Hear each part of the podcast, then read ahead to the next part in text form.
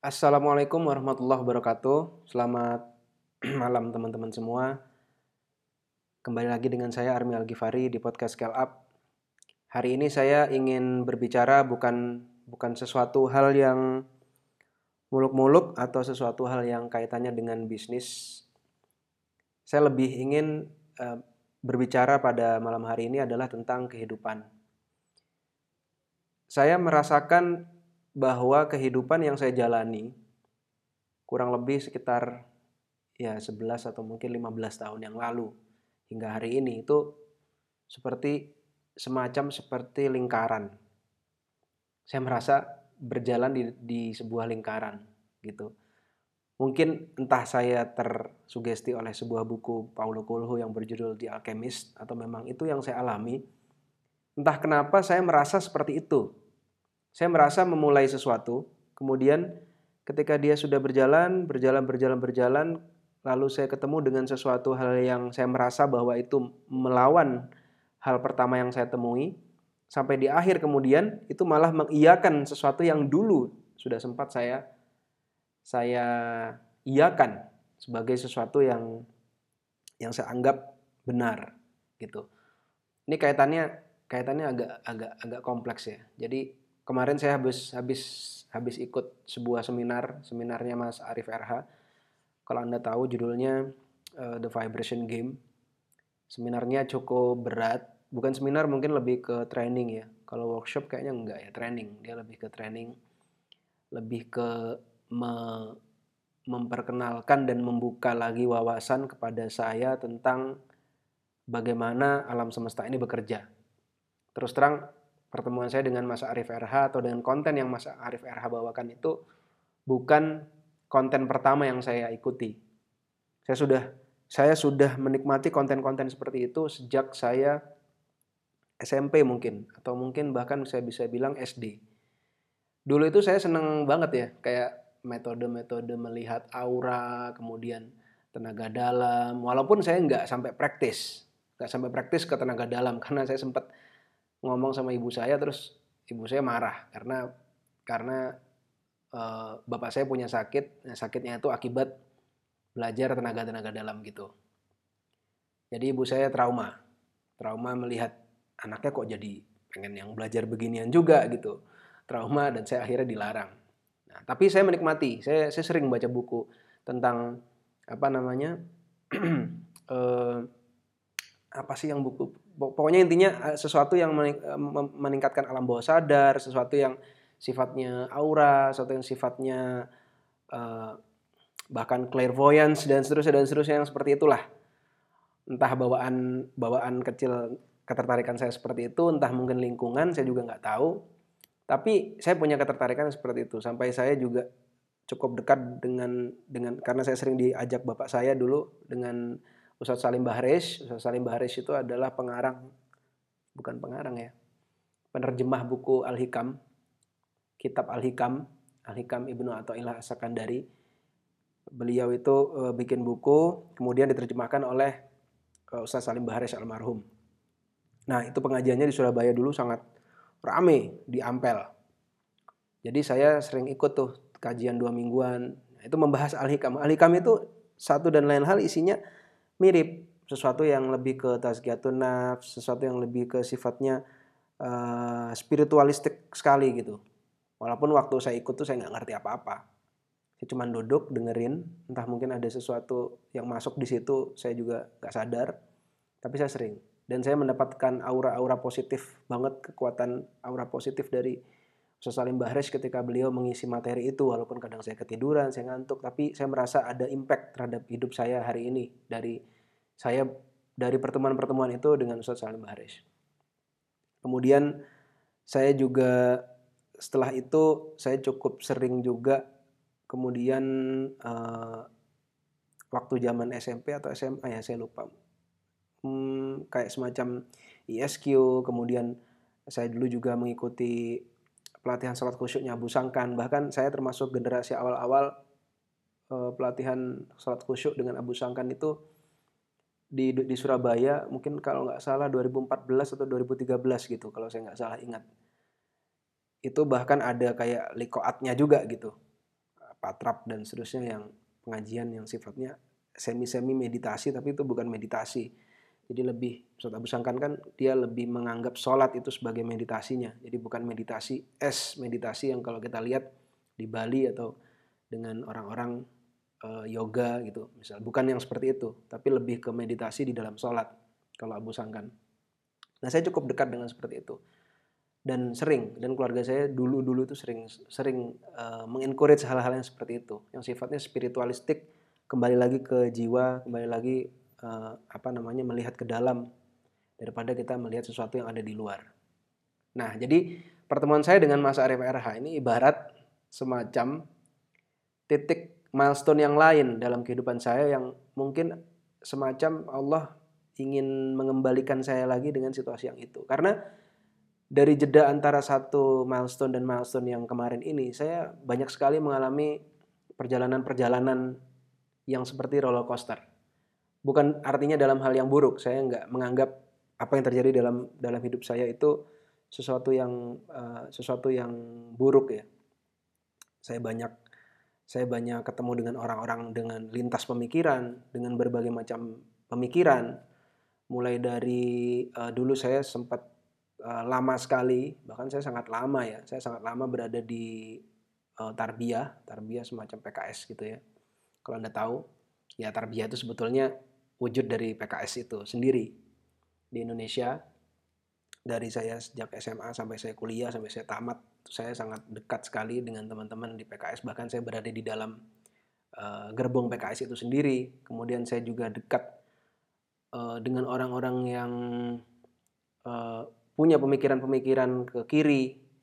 Jadi mungkin mereka lebih lebih lebih ke arah lebih ke arah Eh, saya nggak nggak usah sebut secara detail ya. Pokoknya intinya adalah mereka berada di orang-orang kiri istilahnya gitu. Mungkin Marhain dan seterusnya. Yang selalu menjadi kutub. Kalau anda lihat kayak di kota perpolitikan Indonesia itu kan selalu kayak PKS dengan PDI nah itu saya dulu dekat juga dengan PKS dan saya juga dulu dekat juga dengan orang-orang yang PDI ini itu bahkan dulu juga uh, semoga Allah mengampuni saya juga dulu kayak semacam gerakan-gerakan yang anti JIL di Indonesia, eh, jaringan Islam liberal di Indonesia, itu yang mengawali anti JIL-nya itu bisa dibilang awal-awal itu saya termasuk ikut membidani gitu. Zaman dulu uh, sampai saya akhirnya kayaknya kayaknya kayaknya ada sesuatu, sesuatu yang salah kalau saya terlalu mengencourage kebencian. Mungkin saya hanya nggak lihat apa yang dalam pemikiran dia, jadi saya berusaha ingin mencoba memahami seiring waktu ya. Uh, saya juga sempat dekat juga dengan teman-teman dari Islam yang sering dibilang orang kafir yaitu Islam Syiah. Bahkan sampai hari ini masih banyak orang yang mengidentifikasi saya semacam kayak oh Army ini Syiah. Saking dekatnya saya, saya ketemu dengan apa ustadz-ustadznya, saya ketemu dengan teman-teman saya sendiri. Bahkan saya uh, bahkan saya sempat mempelajari juga memang apa apa benar sih mereka ini sebenarnya salah gitu. Jadi saya nggak saya nggak berusaha menutup diri dalam satu frame berpikir, satu satu frame, satu mindset tertentu karena uh, saya menganggap diri saya itu bukan orang yang paling benar. Bahkan saya menganggap uh, kenapa masih ada persengketaan banyak hal di dunia ini. Contohnya ada Syiah, ada Sunni, kemudian ada Jil, ada yang berbagai macam pemikiran sampai akhirnya dia mengakar itu bisa jadi memang ada pemahaman-pemahaman yang berbeda dari setiap masing-masing orang itu dan ada pemahaman-pemahaman yang berhasil membangun, mengkonstruksi sebuah pemikiran yang akhirnya pemikiran itu menjadi solid dan kuat dan mampu membuat orang itu survive. Jadi pada intinya kan pemikiran itu ketika pemikiran itu tidak berhasil membuat orang yang menganut pemikiran tersebut survive, maka pemikiran itu akan hilang. Tapi ketika itu ada dan langgeng dan ber, beratus-ratus tahun bahkan mungkin ribuan tahun dan itu tetap ada. Artinya orang yang memegang pemikiran tersebut mereka berhasil survive dari mekanisme alam gitu. Uh, contohnya misalkan Islam Sunni, Islam Sunni dan Islam Syiah itu mereka ada terus. Bahkan bisa dibilang Islam Sunni dan Syiah itu ada semenjak Rasulullah wafat. Nah itu ada terus artinya memang ada sebuah bangunan pemikiran yang sama-sama solid dan sama-sama kuat yang memang tidak bisa dipertemukan tapi bisa jadi dua-duanya itu adalah uh, sebuah kebenaran yang bagi masing-masing pihak uh, paling benar. Nah, saya saya uh, akhirnya dengan merenungkan itu, merenungkan itu saya berempati, saya berusaha berempati dengan mereka-mereka ini, saya berusaha berempati dengan dengan apa namanya orang-orang yang berempati itu maksud saya saya mencoba berada di dalam posisi dia, posisi mereka. Saya jadi paham bahwa ternyata kita semua ini sebenarnya sepertinya sama-sama memang mencari kebenaran yang tunggal gitu. Sama-sama ingin mencari sebuah kebenaran. Untuk apa? Untuk menenteramkan diri kita sendiri. Untuk menenteramkan bahwa jalan kita ini benar loh. Bahwa kita ini akan nyampe kepada Tuhan. Bahwa kita ini akan nyampe kepada Allah Subhanahu Wa Taala. Kalau orang-orang agama lain mungkin berarti akan sampai kepada Tuhan mereka. Nah ternyata agama-agama dan pemikiran-pemikiran ini langgeng di dunia ini dan ada terus dan ada terus penganutnya dan ada terus orang-orang yang merasa tercerahkan di situ. Dan ada terus uh, bahkan bahkan bisa dibilang bukan mukjizat ya tapi apa ya bisa dibilang semacam kayak keajaiban-keajaiban yang muncul. Artinya uh, ada semacam eh, benang merah benang merah. Benang merah itu kalau boleh saya mengacu kepada pemikiran saya sendiri itu adalah sebuah sunatullah yang Allah ciptakan di dunia ini yang sifatnya adalah fix seperti halnya gravitasi Sunatullah maksudnya gini. Allah itu menciptakan menciptakan alam semesta. Allah itu menciptakan dunia. Dia uh, sorry. Allah menciptakan semesta itu tidak dalam sesuatu yang random. Random artinya tidak ada hukum yang berlaku di alam semesta ini. Kalau tidak ada hukum yang berlaku, maka tidak akan ada gravitasi. Misalnya gravitasi, bola kita lempar pasti dia akan jatuh. Mau anda lempar seribu kali, dia akan jatuh seribu kali. Itu fix. Pasti dia jatuh. Kalau seandainya Anda melihat listrik, listrik tidak terlihat, tapi ada listrik itu dan bisa diukur dan bisa dihantarkan dan bisa menyampaikan uh, bisa membuat menerangi menerangi bumi, menerangi rumah-rumah. Artinya itu ada sesuatu yang fix yang berlaku hukumnya yang yang sifatnya saintifik. Nah, hukum ini yang menciptakan ini ini yang saya sebut dengan sunatullah. Artinya ada kodrat-kodratnya semua yang bisa diukur, bisa dihitung, bisa diatur. Nah, begitu pula Begitu pula yang ini sesuatu yang sifatnya saintifik ya. Begitu pula yang sifatnya uh, kalau Mas Arief RH menyebutnya itu tidak tampak. Jadi hal-hal yang tidak tampak yang seperti doa, kemudian seperti kekuatan uh, keinginan, kekuatan pengharapan, uh, apa namanya mekanisme-mekanisme yang tidak bisa kita lihat itu, itu belum tentu tidak ada dan itu sifatnya bisa jadi itu sifatnya se strict hukum sunatullah yang sudah Allah ciptakan. Contoh misalnya gini, saya uh, saya ingin menanam jagung. Saya menanam jagung, maka yang terjadi adalah saya bisa hitung bahwa jagung itu umurnya tiga setengah bulan. Jadi kalau saya tanam jagung, tiga setengah bulan lagi saya bisa expect bahwa jagung ini tumbuh. Nah seperti itu, striknya hukum Allah itu seperti itu. Nah, sama ketika Anda berusaha. Ketika Anda berusaha, tapi kemudian setelah Anda berusaha hasilnya tidak ada.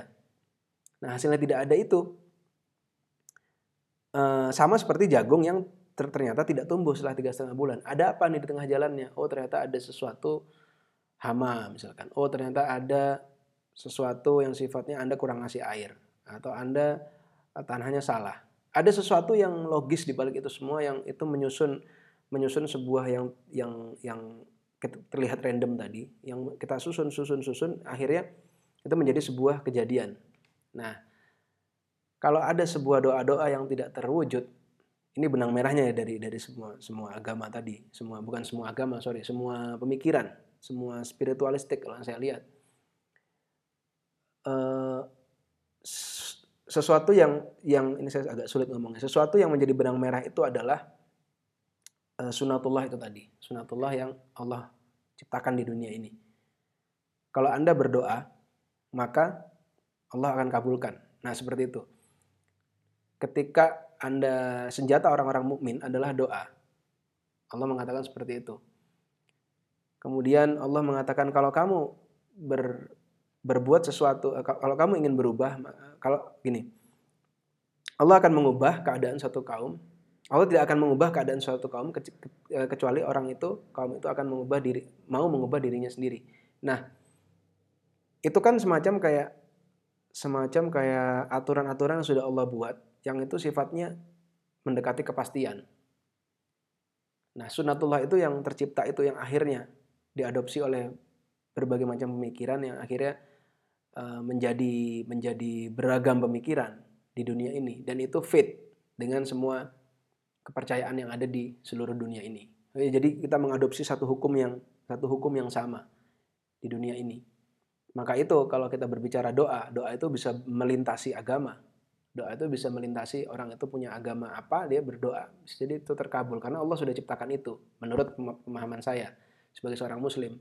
Ketika saya seorang muslim berdoa, maka Allah akan menuntut uh, kalau doa itu mau diwujudkan, maka apa? Ikhtiarmu apa? Kalau Mas Arif RH bilang uh, resultnya, hasilnya, realitasnya itu hanya terbentuk ketika ada faktor tampak dan faktor tidak tampaknya terpenuhi. Faktor tampaknya seperti apa ya? Faktor tampaknya berarti sesuatu yang hubungannya saintifik. Sesuatu yang hubungannya sesuatu yang hubungannya bisa Anda ukur, bisa Anda hitung. Kaitannya dengan bisnis, kalau saya ingin bisnis saya omsetnya satu triliun, maka sudahkah faktor faktor tampaknya itu, sudahkah faktor yang saintifiknya itu saya kerjakan? Dan sudahkah faktor tidak tampaknya itu saya kerjakan? Karena untuk menyusun sebuah kejadian itu tidak cukup hanya tidak cukup hanya benih ditanam, tapi juga harus ada airnya, tapi juga harus ada cahaya mataharinya dan harus ada komponen lainnya. Mungkin orang menyebutnya luck atau bisa jadi itu adalah kekuatan dari pengharapan dari si petaninya.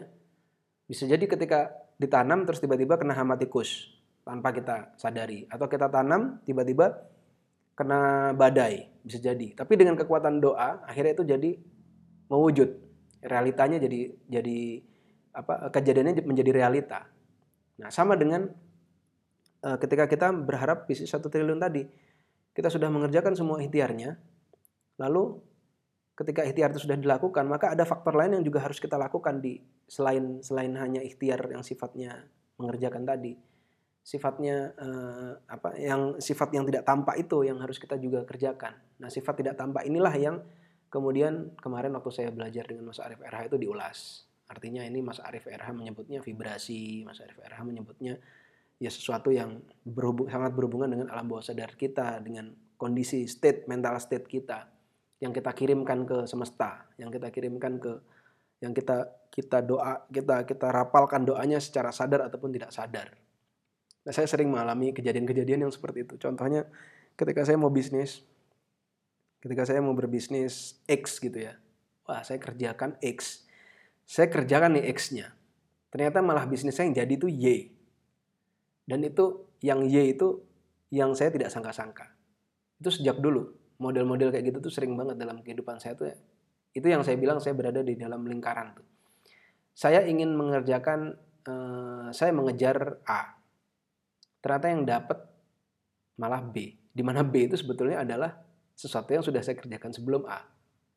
Dan itu sangat sering kejadian seperti itu bahkan apa ya uh, dalam kehidupan saya sendiri juga dalam kehidupan contoh ya contoh waktu dulu saya waktu dulu saya uh, terjebak dalam kasus-kasus bisnis beberapa tahun yang lalu. Um, saya merasa sepertinya uh, tidak ada solusi dalam kehidupan saya gitu. Jadi saya pernah dalam satu waktu itu saking terpuruknya bertumpuk-tumpuk orang ada ada teman-teman yang investor uh, menuntut orang-orang mengejar ada ada debt collector juga telepon dan seterusnya dan seterusnya sampai di satu titik tuh saya sempat uh, berada di satu hari satu sore yang saya masih ingat sore itu saya berdiri di sebuah gedung gedung itu ruko saya sendiri di Bandung uh, saya naik di atap kemudian saya berdoa itu berdoanya itu sampai saya seolah-olah seperti menuntut gitu ya Allah ini saya saya nggak ada niatan. Saya uh, tidak ada niatan untuk menipu orang. Saya tidak ada niatan untuk menyengsarakan kehidupan orang. Saya tidak ada niat untuk membuat hidup orang itu lebih buruk. Wallahi saya nggak ada niat. Saya niat ini hanya berbisnis. Tapi mungkin engkau lebih tahu apa yang harus uh, terjadi dalam hidup saya. Itu sampai saya nangis. Waktu itu berdoa itu nangis dan doa itu saya ucapkan kuat gitu loh. Itu itu sore saya masih ingat sekali itu momentumnya. Kalau Anda pernah lihat film uh, Kiamat Sudah Dekat, nah kira-kira mirip doanya siapa itu? Andre Taulani itu waktu dia di laut. Mirip-mirip begitu saya, momentum momentum doa saya. Uh, sampai saya di titik saya nggak tahu harus ngapain. saya nggak tahu harus ngapain. Kemudian uh, saya memutuskan waktu itu saya mengikuti kata hati saya untuk umroh. Nah jadi waktu itu saya sempat akhirnya uh, fast forward ya saya masih punya uang. Saya masih diberikan rezeki oleh Allah untuk umroh. Tahun 2010 itu saya umroh. Dan di umroh itu saya umrohnya bukan sekedar umroh, jadi umrohnya umrohnya itu enam hari umroh rombongan saya pulang, saya stay di Mekah sampai Ramadan selesai. Jadi Ramadan waktu itu momentumnya 2010 Ramadan. Sampai Ramadan selesai. Jadi saya di Mekah itu, Mekah Madinah di Saudi itu saya ada 30 hari menghabiskan visa saya. Dan visa itu kebetulan pas saya cek ya 30 hari. Sekarang mungkin lebih ya, bisa 45 hari, bisa setahun kalau multiple. Tapi dulu waktu itu saya umroh 30 hari. Nah, belum ada Google, belum ada Google Translate. Eh Google Translate sudah ada, tapi Google Maps belum ada. Jadi senjata saya waktu itu bukan smartphone seperti yang hari ini. Jadi senjata saya waktu itu ketika umroh adalah uh, Nokia Ego E90. Nah, saya sendirian tuh di Mekah. Saya sendirian di Mekah, nanti kapan-kapan saya ceritakan detailnya saya di Mekah itu gimana. Intinya pada saat Ramadan itu saya 30 hari di Mekah, saya tidurnya di masjid tidur di masjid sesekali tidur di temen, di rumah teman yang yang menjadi mutawif di sana sesekali tapi itu nggak nggak nggak lama. Karena karena beliaunya mutawif jadi harus kerja kan harus kerja dan dan nggak harus nggak nggak nggak stay terus di Mekah. Jadi mungkin kurang lebih lima harian saya sama orang tapi sisa waktunya itu saya lebih sering tidur di masjid. Dan bergaul dengan teman-teman orang lintas negara. Semacam orang Aljazair orang orang Mesir gitu saya nggak bisa bahasa Arab, tapi saya ada Google Google Translate. Jadi saya udah pakai Google Translate tuh tahun 2010. Walaupun ya masih berantakan. Nah, di situ saya berdoa bahwa uh, tunjukkan saya jalan apa yang harus saya lakukan. Sambil saya bawa proposal, waktu itu saya saya putuskan juga sepertinya saya harus nikah. Dalam kondisi yang kepepet, entah kenapa kepikirannya saya adalah nikah. Saya sudah pasrah, nggak nggak tahu apa apa saya nikah itu kemudian nanti jadi sesuatu yang lain? Entah nanti tiba-tiba membuka jalan rezeki dan seterusnya saya nggak tahu.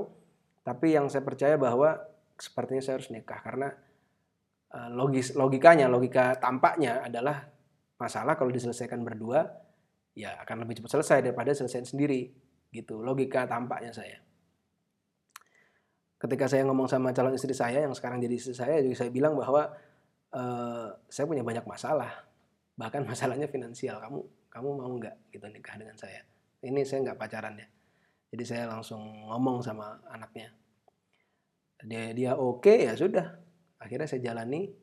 Ternyata pulang dari Mekah di Mekah itu saya mendapatkan kliknya saya mendapatkan jawabannya bahwa sepertinya ini jawaban saya. Eh, entah saya nggak tahu setelah itu akan seperti apa. Pulang dari Mekah itu nggak lama dari situ kemudian saya menikah jadi bulan 2000 eh tahun 2011 tuh saya nikah. Nah, ternyata Allah memang punya banyak rahasia di sana. Di tahun 2011 itu eh, hingga hingga saat ini kehidupan saya kalau kita ngomongnya regresi eh, kita ngomongnya regresi ya itu positif gitu. Dia naik terus. Naik terus dan banyak sekali momentum-momentum yang ini menjadi momentum antara saya dan istri saya aja yang uh, saya nggak mau menceritakannya juga tapi intinya adalah momentum itu membuat kehidupan saya maju. Dan itu momentum yang bahkan tidak pernah saya rancang dan tidak pernah saya sadari. Ketemu dengan si X, kemudian si X ini mempertemukan saya dengan si Y, dengan si Y mempertemukan saya dengan si Z, kemudian malah menjadi positif. Lingkaran itu menjadi positif. Kalau dulu sebelum saya nikah itu lingkaran itu lingkaran negatif. Jadi ketika saya ketemu dengan orang A, orang A ini saya stuck, ketemu masalah, kemudian saya dipertemukan oleh A ini orang B, orang B ini membawa lagi masalah yang baru orang C membawa lagi masalah yang baru. Jadi semacam kayak saya tuh berada di lingkaran-lingkaran masalah terus menerus. Kalau kata Mas Arif RH kemarin itu uh, apa ada doa-doa ada doa-doa kita yang tidak sadar kita ucapkan yang membuat kita berada di dalam open loop. Open loop itu semacam kayak uh, itu lagi, itu lagi. Open loopnya open loop negatif gitu. Terus berulang terus, berulang berulang terus mekanisme yang harus dipatahkan. Waktu itu saya patahkan, setelah saya merenung ya, saya belum tahu materinya Mas Arif saya patahkan dengan saya berangkat ke Mekah. Saya patahkan dengan dengan energi yang lebih kuat, energi energi energi orang berdoa, energi Ka'bah. yang di Ka'bah itu jutaan orang bertawaf merapalkan doa-doa positif dan energinya energi yang sangat positif di sana mungkin mungkin mungkin ketika doa saya di sana doa saya ikut bervibrasi bersama dengan doa-doa orang lain di Mekah itu yang akhirnya Allah kabulkan nah, mungkin kalau anda punya banyak masalah ada baiknya anda umroh umroh. Tapi doanya harus doa yang positif doa yang benar. Jangan doa yang negatif. Nah eh, ketika saya kembali Eh, setelah dari umroh itu setelah saya dari tanah suci saya banyak saya banyak dipertemukan oleh orang-orang dan sepertinya malah sepertinya saya hidupnya dari dari keberuntungan ke keberuntungan yang lain. Walaupun di tengah-tengah itu selalu pasti ada ya namanya rugi namanya ini. Tapi saya melihat kerugian-kerugian yang terjadi pada saat saya setelah menikah saya setelah berangkat umroh itu adalah sebuah kerugian yang itu memberikan dampak positif jadi bukan kerugian yang sifatnya memberikan dampak negatif. Contoh, ketika kita dirugikan orang, ditipu, kemudian setelah kita ditipu orang, ditipu dan kemudian setelah ditipu itu kita akhirnya malah membuat hidup kita menurun, itu buat saya negatif. Ditipu terus akhirnya malah jadi melarat, jadi wah jadi sesuatu yang buruk. Itu itu sebuah masalah yang negatif. Tapi ketika kita ditipu, insya Allah saya sudah setelah saya menikah itu saya nggak pernah lagi ke belum pernah lagi ke tipu uh, pernah nggak ya? Saya nggak mau nggak mau nggak mau apa meripit sih. Mungkin pernah tapi saya lupa. Jadi sampai itu sampai nggak sampai nggak teringat. Itu uh, menjadi hal yang positif jadi membuat saya akhirnya mempelajari sesuatu dari situ mungkin tingkat penipuannya juga mungkin nggak besar sehingga saya nggak nggak begitu ingat akhirnya malah membuat saya berada dalam suatu hal yang positif, naik terus gitu trennya. Dan diganti Allah dengan sesuatu yang lebih baik. Jadi benar bahwa ketika kita berprasangka pada Allah itu prasangka-prasangka yang positif, maka itu akan menjadikan kita lebih baik. Jadi kalau Anda yang mendengarkan podcast saya ini dan kemudian Anda nggak percaya adanya Tuhan, mungkin ada yang agnostik atau mungkin ada yang ateis, eh, percayalah bahwa At least ketika Anda nggak percaya bahwa entity itu adalah Allah Subhanahu wa taala, at least ketika Anda berdoa, ketika Anda uh, mengungkapkan sebuah keinginan, ungkapkanlah itu dengan hal yang positif dan hal yang baik. Karena Allah itu Maha Rahman di dunia ini dalam dalam agama saya sebagai seorang muslim, Allah itu Maha Rahman. Jadi ketika ketika kita berada di dunia ini, dunia ini punya satu mekanisme, satu sistem yang berlaku sunatullah yang berlaku untuk semua agama apa pun itu agama orangnya. Jadi kalaupun Anda ateis, kalaupun Anda agnostik, kalaupun Anda nggak percaya atau Anda punya agama lain, dalam kepercayaan saya, dalam kepercayaan saya sebagai seorang muslim, Anda pun berdoa akan dikabulkan. Karena itu memang mekanisme alam. Mekanisme yang sudah Allah ciptakan gitu untuk kesejahteraan orang di semua bu, di semua di muka bumi ini. Sehingga orang yang berusaha pasti akan mendapatkan. Orang yang berpikiran positif, orang yang orang yang mengattract hal-hal yang positif, dia akan mendapatkan itu ketika dia punya doa-doa yang positif maka Allah akan mengabulkan itu ketika ketika punya intention atau niat-niat yang positif maka Allah akan mewujudkan itu juga sama ketika anda punya intention yang negatif atau punya punya ketertarikan ketertarikan energi yang negatif energi energi rendah kalau kata Mas Arif RH itu itu juga akan terwujud. Itu sama seperti halnya doa yang tidak anda sadari. Waktu saya seminar Mas Arif kemarin saya ditunjukkan ada satu video yang cukup unik yaitu videonya Nia Daniati yang dia mempertanyakan gitu waktu diwawancara.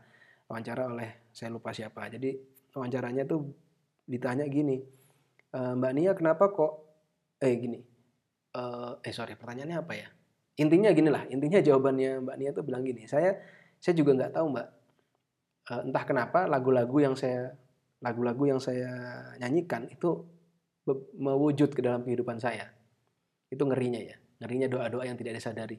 Mewujud ke dalam kehidupan saya. Kehidupan saya jadi berantakan seperti halnya lagu yang saya nyanyikan. Betapa banyak di antara kita yang berdoa, tapi doa yang pas pada saat kita berdoa, doanya positif. Tapi pada saat kita merasa kita tidak sedang berdoa, tapi itu sebenarnya adalah sedang berdoa. Ketika kita uh, di, di, di tanah suci, kita berdoa, ya Allah, berikan saya kekayaan, berikan saya uh, rezeki yang melimpah. Tapi setelah kita berdoa di tanah suci, setelah kita selesai berdoa di tanah suci, begitu kita keluar dari Ka'bah, kita langsung berpikirnya, uh, apa namanya aduh saya kok uh, miskin saya kok melarat atau saya kok ini nanti saya diuji di tanah suci begini begini mengatrek hal yang negatif. Ya, dan itu durasinya lebih lama. Doa anda pada saat anda tidak merasa sedang berdoa itu kan lebih lama. Anda berdoa mungkin 5 menit yang 23 jam 55 menit itu anda berdoa hal-hal negatif bisa jadi. Nah itulah yang yang berbahaya. Itu mungkin yang sekilas dari Mas Arief itu yang saya dapatkan uh, tentang tentang doa tadi. Nah kembali ya, kembali ke topik pembicaraan kita tadi tentang tentang apa ini? Tentang tentang sunatullah dari yang sudah Allah ciptakan. Nah itulah uh, begitulah Allah menciptakan uh, alam ini, sehingga ketika anda ketika anda punya keinginan-keinginan yang positif harus anda sertai juga dengan sesuatu yang Anda kerjakan secara jelas juga, yang faktor tampaknya itu benar-benar Anda kerjakan. Yang juga disertai dengan jelas, harus dengan faktor-faktor yang tidak tampaknya tadi. Intention, Anda punya hal yang doa-doa yang uh, positif, Anda punya uh, apa ya situasi-situasi yang bisa membuat Anda uh, mewujudkan itu. Dan itu kadang-kadang tidak Anda sadari saya sendiri semenjak semenjak saya menikah mungkin solusi pertama kalau anda belum nikah ya anda harus nikah dulu nikah itu dengan nikah dengan orang yang tepat itu membawa vibrasi yang positif eh, ketika anda menikah kehidupan saya ketika saya setelah menikah itu ketika saya ingin bertemu dengan orang saya selalu dipertemukan dengan orang-orang yang menurut saya benar gitu Mungkin saya nggak sesukses oleh orang-orang lain yang bisnisnya sudah triliun, udah ini. Saya belum sampai di level itu. Tapi saya tahu bahwa uh, saya nggak perlu fokus ke sana. Saya fokus aja kepada proses yang saya lakukan. Karena proses yang saya lakukan itu intinya dari Allah, intinya dari tuntunannya dari Allah kan itu kan.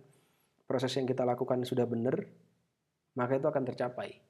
Hukumnya itu seperti gravitasi. Ketika barang itu dilempar, maka dia pasti jatuh. Ketika Anda megang kabel listrik, maka Anda pasti kesetrum.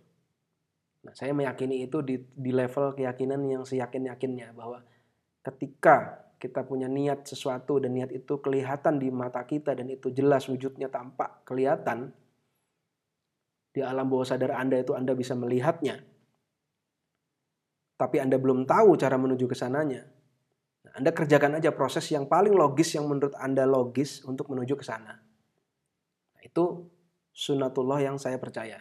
Sehingga kalau di tengah jalan tiba-tiba diintervensi oleh Allah Subhanahu wa taala, diintervensi berupa ada kejadian yang luar biasa, Anda di switch, bisa Anda ditukar, bisa Anda diganti, itu ditutup, diganti dengan yang baru, itu itu merupakan proses dari perwujudan dari keinginan Anda tersebut. Itu sih menurut saya. Oke, mungkin cukup ini aja saya kalau terlalu banyak ngomong juga nggak nyaman juga karena uh, topiknya ya topik agak berat ini. Mudah-mudahan bisa memberikan sesuatu yang baru untuk Anda. Uh, satu pesan saya bahwa kita tidak bisa memiliki pandangan bahwa kita adalah orang yang paling benar. Karena semua orang di dunia ini bersama-sama dengan kita, semua itu adalah orang-orang yang sama-sama belum tahu kebenaran yang paling mutlak itu seperti apa. Karena kebenaran yang paling mutlak itu baru bisa Anda temui ketika Anda meninggal nanti. Itulah kebenaran yang paling hakikinya. Nah, sekarang yang bisa kita lakukan adalah mendekati kebenaran, mencari terus kebenaran sampai menjadi lebih dekat dengan kebenaran itu sendiri. Dengan tool yang sudah diberikan oleh Allah berupa logika, berupa pikiran, berupa uh, akal, itu yang akan kita gunakan dan kalau Anda merasa ada orang lain yang berbeda dengan Anda, yakinlah bahwa masing-masing orang punya perjalanan spiritualnya sendiri. Gak bisa Anda hakimi dengan satu pandangan tertentu dan satu pemikiran tertentu. Dan rasanya sakit. Saya sudah merasakan dihakimi oleh orang. Sampai di titik tertentu saya merasa ya sudahlah, mungkin orang tersebut hanya nggak tahu dan orang tersebut berada di dalam satu satu pandangan atau satu state tertentu terhadap fase spiritualitasnya dia. Di titik itu akhirnya saya merasa nyaman dan saya merasa mengabaikan. Bukan mengabaikan saya merasa merasa membiarkan orang itu menjalani prosesnya. Saya pun menjalani proses saya sendiri toh nanti di akhirat kita akan dihisap satu demi satu masing-masing Itu saja mungkin dari saya. Terima kasih Anda sudah mendengarkan podcast saya yang biasa-biasa ini. Kalau ada kata-kata yang salah mohon saya dimaafkan. Kalau ada yang harus Anda koreksi, tolong koreksi. Saya akan sangat terbuka dengan koreksi-koreksi. Terima kasih. Assalamualaikum warahmatullahi wabarakatuh.